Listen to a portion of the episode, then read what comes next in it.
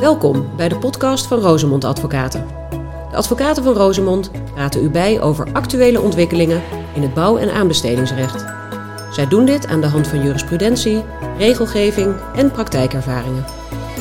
En zet in dat ontbindingsbriefje dat in het uiterst onwaarschijnlijke geval dat die ontbinding geen stand houdt. en je kent de formuleringen, quod non, et cetera. Vandaag luistert u naar Daan Versteeg en Thomas de Leeuwen. Hey Thomas.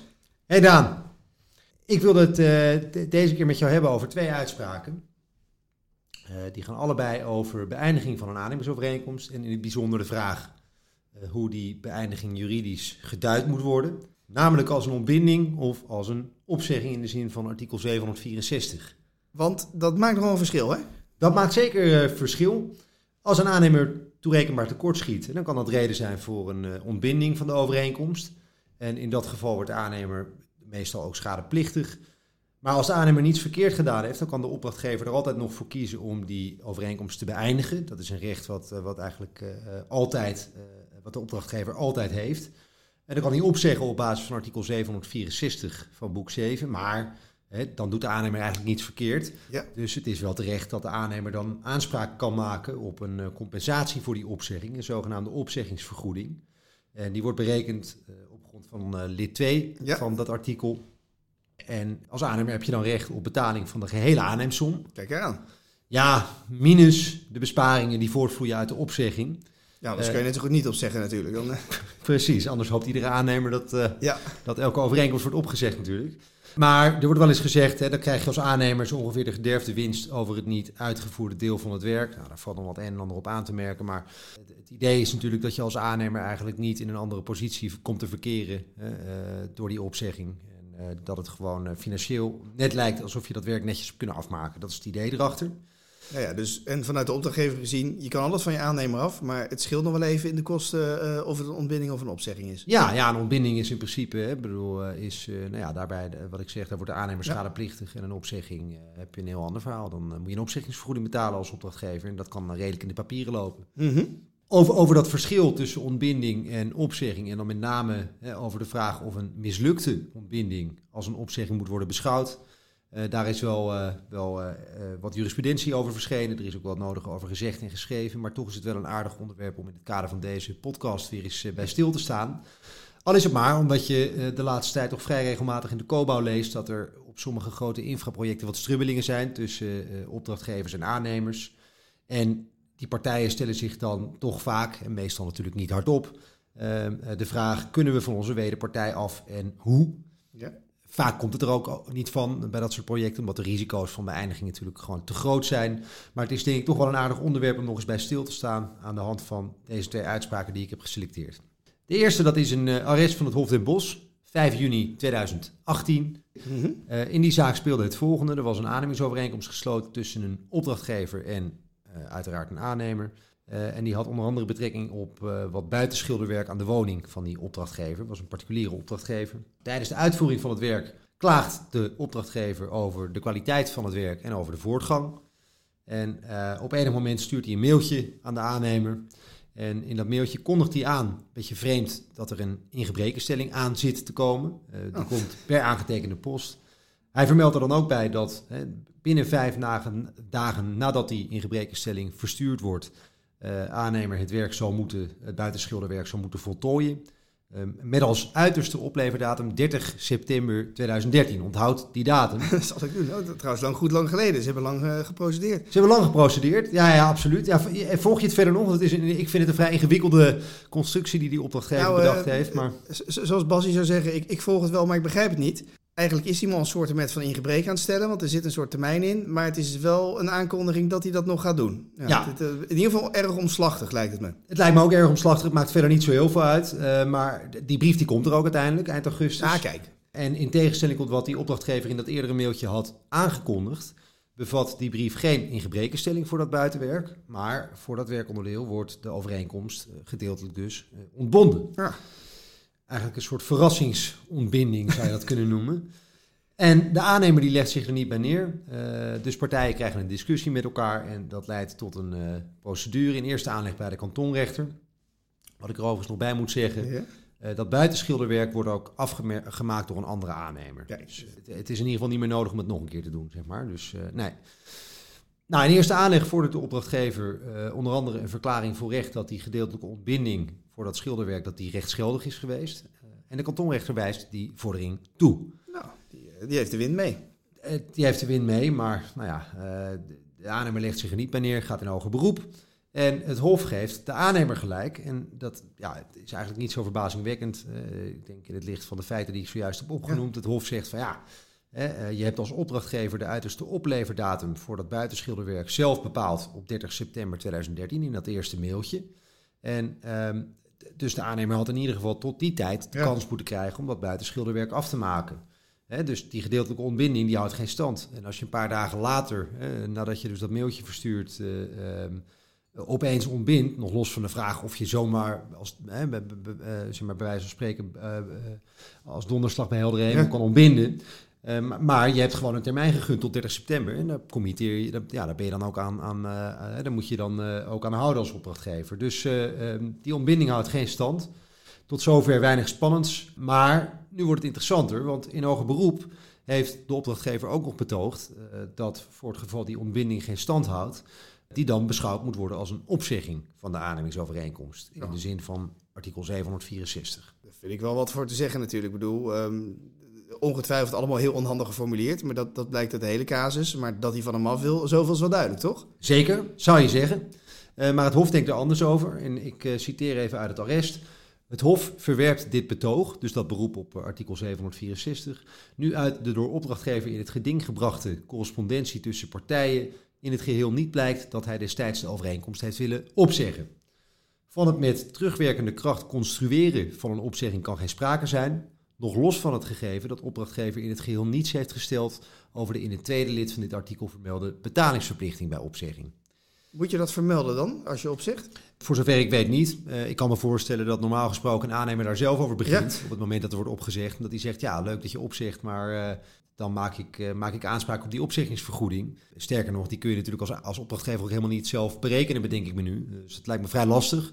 Nee, hooguit het aanbod om alles dan maar te betalen. Maar ja, ik bedoel, zo goed en gek hoeft hij niemand te zijn natuurlijk. Nee, dan zou je kunnen aanbieden het restant van de aannemer ja, te betalen. Maar dat, als, je, als, je, als je alsjeblieft maar weggaat. Je, ja, ja, precies. Maar dat kan je van opdrachtgever ik niet verlangen. Het Hof zegt dus, er is geen, geen sprake van een opzegging. En in dat oordeel klinkt door dat voor een opzegging nodig is dat je ook duidelijk laat blijken dat je wilt opzeggen. Op zich iets voor te zeggen natuurlijk, mm-hmm. om het juridisch te formuleren. Zo'n opzegging dat is een eenzijdige rechtshandeling en die vereist een op rechtsgevolg uh, gerichte wilsverklaring. En het Hof zegt, die is er hier niet. Uh, de opdrachtgever heeft niet laten blijken dat hij die gedeeltelijke ontbinding subsidiair uh, beschouwt als een opzegging. Dus dat betekent dat de aannemingsovereenkomst niet is opgezegd. Dan is de vraag wat dat, wat dat dan weer betekent. De overeenkomst is kennelijk gewoon in stand gebleven. Daar wijdt het Hof overigens niet al te veel woorden aan. Uh, dat betekent dus ook dat de verbindenissen voor dat buitenschilderwerk over en weer eigenlijk in stand zijn gebleven. Mm-hmm. Dus de aannemer zou eigenlijk dat schilderwerk moeten uitvoeren en dan zou de opdrachtgever daarvoor moeten betalen. Maar ja, nogmaals, jij zei net. Ja, het is al gedaan. Dus ja, de aannemer kan er misschien nog een keer overheen schilderen, maar dat is niet meer echt nodig. Uh, uh, het, het, gekke is, het Hof zegt er ook niet bij wat, daar dan, wat we daar dan mee moeten. Hè, met die, met die, met die nee. nog bestaande verbindenissen over en weer. Dat was natuurlijk best interessant geweest. Want ja, het is een beetje. Het, het, heeft eigenlijk geen zin. En je kunt je afvragen wat zijn nou de consequenties van het voortbestaan van die overeenkomst. Maar uh, de conclusie op basis van dit arrest is dus: een onterechte ontbinding kwalificeert niet zonder meer als een opzegging. Ja, dus waar de rechtbank uh, iemand helpt die, die een compleet belachelijke ingebrekenstelling doet door een ontbinding weg te geven. Ja. Wat juridisch onjuist is. Doet ja. het Hof het juridisch helemaal juist. Maar ook wel weer zo juist dat je onbevredigend zit met een praktische situatie van een verbindenis en een werk wat al lang klaar is. Ja, je loopt een beetje op de muziek vooruit. Ik heb mijn voorkeur nog niet uitgesproken. Dat komt na, na de volgende uitspraak. Maar je voelt al een beetje... richting op de duur hoor, Thomas. je voelt al een beetje waar het heen gaat. Maar het interessante is, dit, dit is een niet, niet echt op zichzelf stand, staand arrest, denk ik. Want de burgerlijke rechter uh, heeft wel vaker in vergelijkbare zin geoordeeld over dit soort discussies. Uh, ontbinding, is dat nou een mislukte ontbinding, is dat nou een opzegging ja of nee? Maar ja, je zult begrijpen, ik ken ook wel, dat, dat, juridische van die burgerlijke rechter. Dat juridische, altijd ja. maar weer dat juridische. Ja, maar je zult begrijpen, ik ben nog niet klaar, want één dag later, één dag na dit arrest, op 6 juni 2018, uh, wordt, er uitspraak, wordt er een uitspraak geweest in Rotterdam. En het lijkt erop dat de dienstdoende rechter het arrest van het Hof nog niet had gelezen. Oh. Ja. Uh, of anders heeft hij gedacht, ik doe het op mijn manier. Want dit is een zaak waarin de feiten redelijk uh, vergelijkbaar zijn. Uh, de opdrachtgever ontbindt de aannemingsovereenkomst in kwestie gedeeltelijk. Die ontbinding houdt geen stand. En dan moet wederom de vraag worden beantwoord of die mislukte ontbinding kan worden aangemerkt als een opzegging. En daar zegt de rechtbank het volgende over. Nu de ontbindingsverklaring van Krimpenhof, dat is de opdrachtgever, mhm. niet gerechtvaardigd was, staat daarmee in beginsel vast dat de overeenkomst partijen nog steeds bindt. Partijen kunnen zich echter, naar aanleiding van een niet gerechtvaardigde ontbindingsverklaring, zodanig tegenover elkaar gedragen dat daarin een nadere tot beëindiging van de overeenkomst strekkende beëindigingsovereenkomst besloten ligt. Naar het oordeel van de rechtbank is daarvan in het onderhavige geval sprake.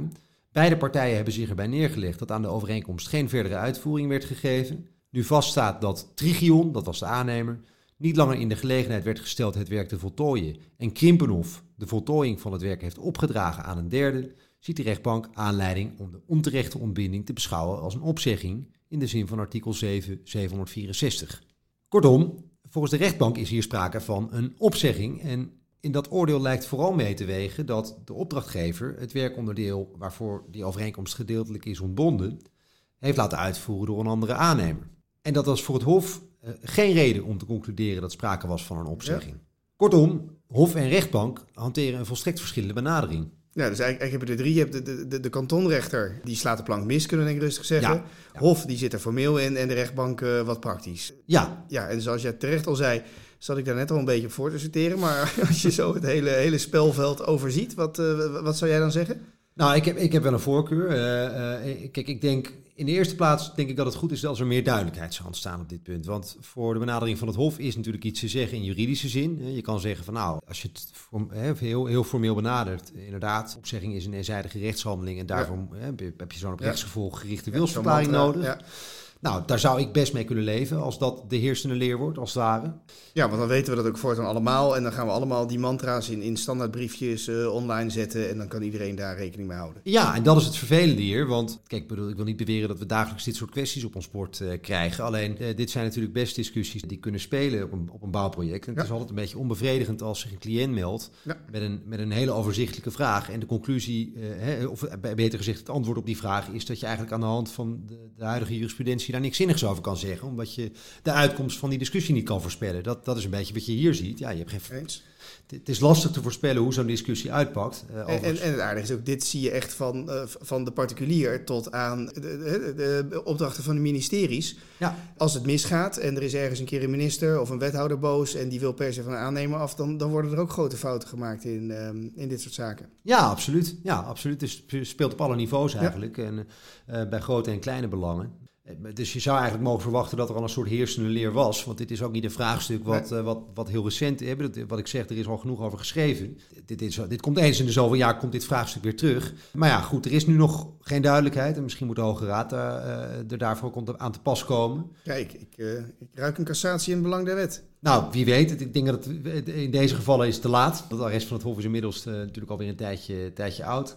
Maar je vroeg me naar mijn voorkeur. Ja. Nou ja, als je mij desnoods onder bedreiging dwingt om mijn voorkeur uit te spreken, uh, dan durf ik best te zeggen, ik, ja, ik prefereer de benadering van de rechtbank. De rechtbank zegt eigenlijk, hè, uit het gegeven dat de opdrachtgever het resterende werk heeft opgedragen aan een andere aannemer, daar valt uit af te leiden dat hij onder geen beding meer wilde dat die oorspronkelijke aannemer dat zou doen. Dus hij ontbindt en ja, als opdrachtgever weet je, denk ik, dat er een risico is dat die ontbinding geen stand houdt. Maar kennelijk neem je dan het risico op de koop toe dat, dat, dat die ontbinding inderdaad uh, dat je, dat, dat faalt. Hè? En nou ja, dan uh, aanvaard je daarmee kennelijk ook dat je een, mogelijk een opzeggingsvergoeding moet betalen. En dat lijkt me ook best een redelijke benadering, die ook denk ik wat praktischer is uh, dan de benadering van het Hof. Want je blijft niet achter met de complexe vraag wat nou het gevolg is van het voortbestaan van die overeenkomst. Nee, ja. Ik denk dat dat in dit geval, kijk, dit ging om wat buitenschilderwerk, dat zal niet, hè, dat, daar is dat denk ik niet een hele pregnante vraag geweest. En daarom heeft het Hof er denk ik ook niks over gezegd.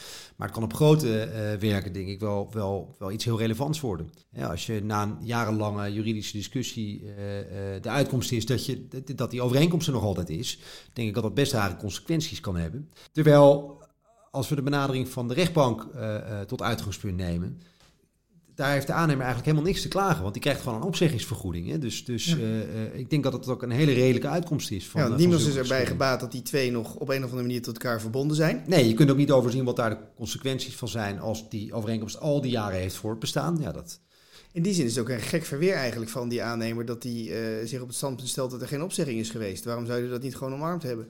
Nou, ik denk dat het in dit geval niet zoveel uitmaakt. Maar ik denk dat er best omstandigheden denkbaar zijn waarin, uh, waarin, je, daar, waarin je aan het voorbestaan van die overeenkomst nog een claim kunt ophangen of zo. Ja, ja een enorme leegloop, uh, stagnatieclaim. Bijvoorbeeld, ja, ja, kijk, op een gegeven moment is, is dat natuurlijk, wordt dat, dat wordt steeds lastiger naarmate het langer duurt. En naarmate je ook niks doet. doet. je gewoon geacht mensen ergens anders neer te zetten natuurlijk. Ja, maar, het is, maar ik denk dat het beter is om, om het, het, het, op te lossen zoals de rechtbank het oplost.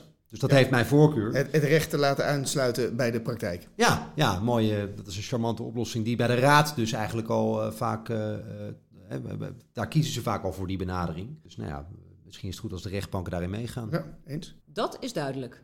Maar wat betekent dit nu in de praktijk? Ik denk dat er twee, twee belangrijke tips uit dit verhaal te halen zijn. In de eerste plaats, als je als, hè, als opdrachtgever, dus ook als hoofdaannemer, afscheid wil nemen van je aannemer of je onderaannemer nou ja, dan moet je natuurlijk primair proberen om dat te doen op basis van een tekortkoming van de aannemer, toerekenbare tekortkoming. Want een ontbinding is natuurlijk altijd veel gunstiger dan een opzegging. Dus ik zou haast zeggen, oppassen dat dat, dat eigen geloofwaardigheid niet mhm. al te veel ondermijnt, maar zoek er eentje. Want uh, uh, nou ja, dat is, dat, dat is wel het beste. Hè? Ik bedoel, als je per se van je aannemer af wil. En nog even, hè, want het, het, lijkt voor iedereen gesneden koek, maar toch even, dat is gewoon heel simpel. Even tot tien tellen, een redelijke termijn geven. En als je twijfelt, dan maar iets langer, zodat je weet dat die redelijk is om de tekortkoming te herstellen. Dan is er verzuim en dan snel ontbinden. Ja, in principe wel, tenzij, natuurlijk, tenzij dat verzuim op een andere manier intreedt. Maar dat is natuurlijk meestal niet het geval. Dus, uh, ja. Nee, dat is er meestal bij de haren bijgesleept dan, hè? Als het, uh... ja, ja, dus wat je vaak ook ziet trouwens, is dat inderdaad... Uh, hè, op hele, bijvoorbeeld op hele grote werken dat, nou ja, dat een opdrachtgever om wat voor reden dan ook van zijn aannemer af wil. En dan vaak wordt er een tekortkoming een beetje met de haren bijgesleept. En of er een tekening die iedereen al lang was vergeten, waar mhm. iets aan mankeert. En uh, daar wordt dan van gezegd van die klopt niet. Of uh, nou ja, je kan van alles verzinnen. Maar het is in ieder geval wel verstandig om primair altijd uh, voor de te gaan. Ja, dat is het handigst. Dat in de eerste plaats. En in de tweede plaats, op het moment dat je ontbindt, zet in dat ontbindingsbriefje dat in het uiterst onwaarschijnlijke geval dat die ontbinding geen stand houdt. je kent de formuleringen, quod non, et cetera. uh, dat die ontbinding dan toch in ieder geval beschouwd moet worden als een opzegging. Want daarmee voorkom je dat je na een, een hele lange juridische discussie ja.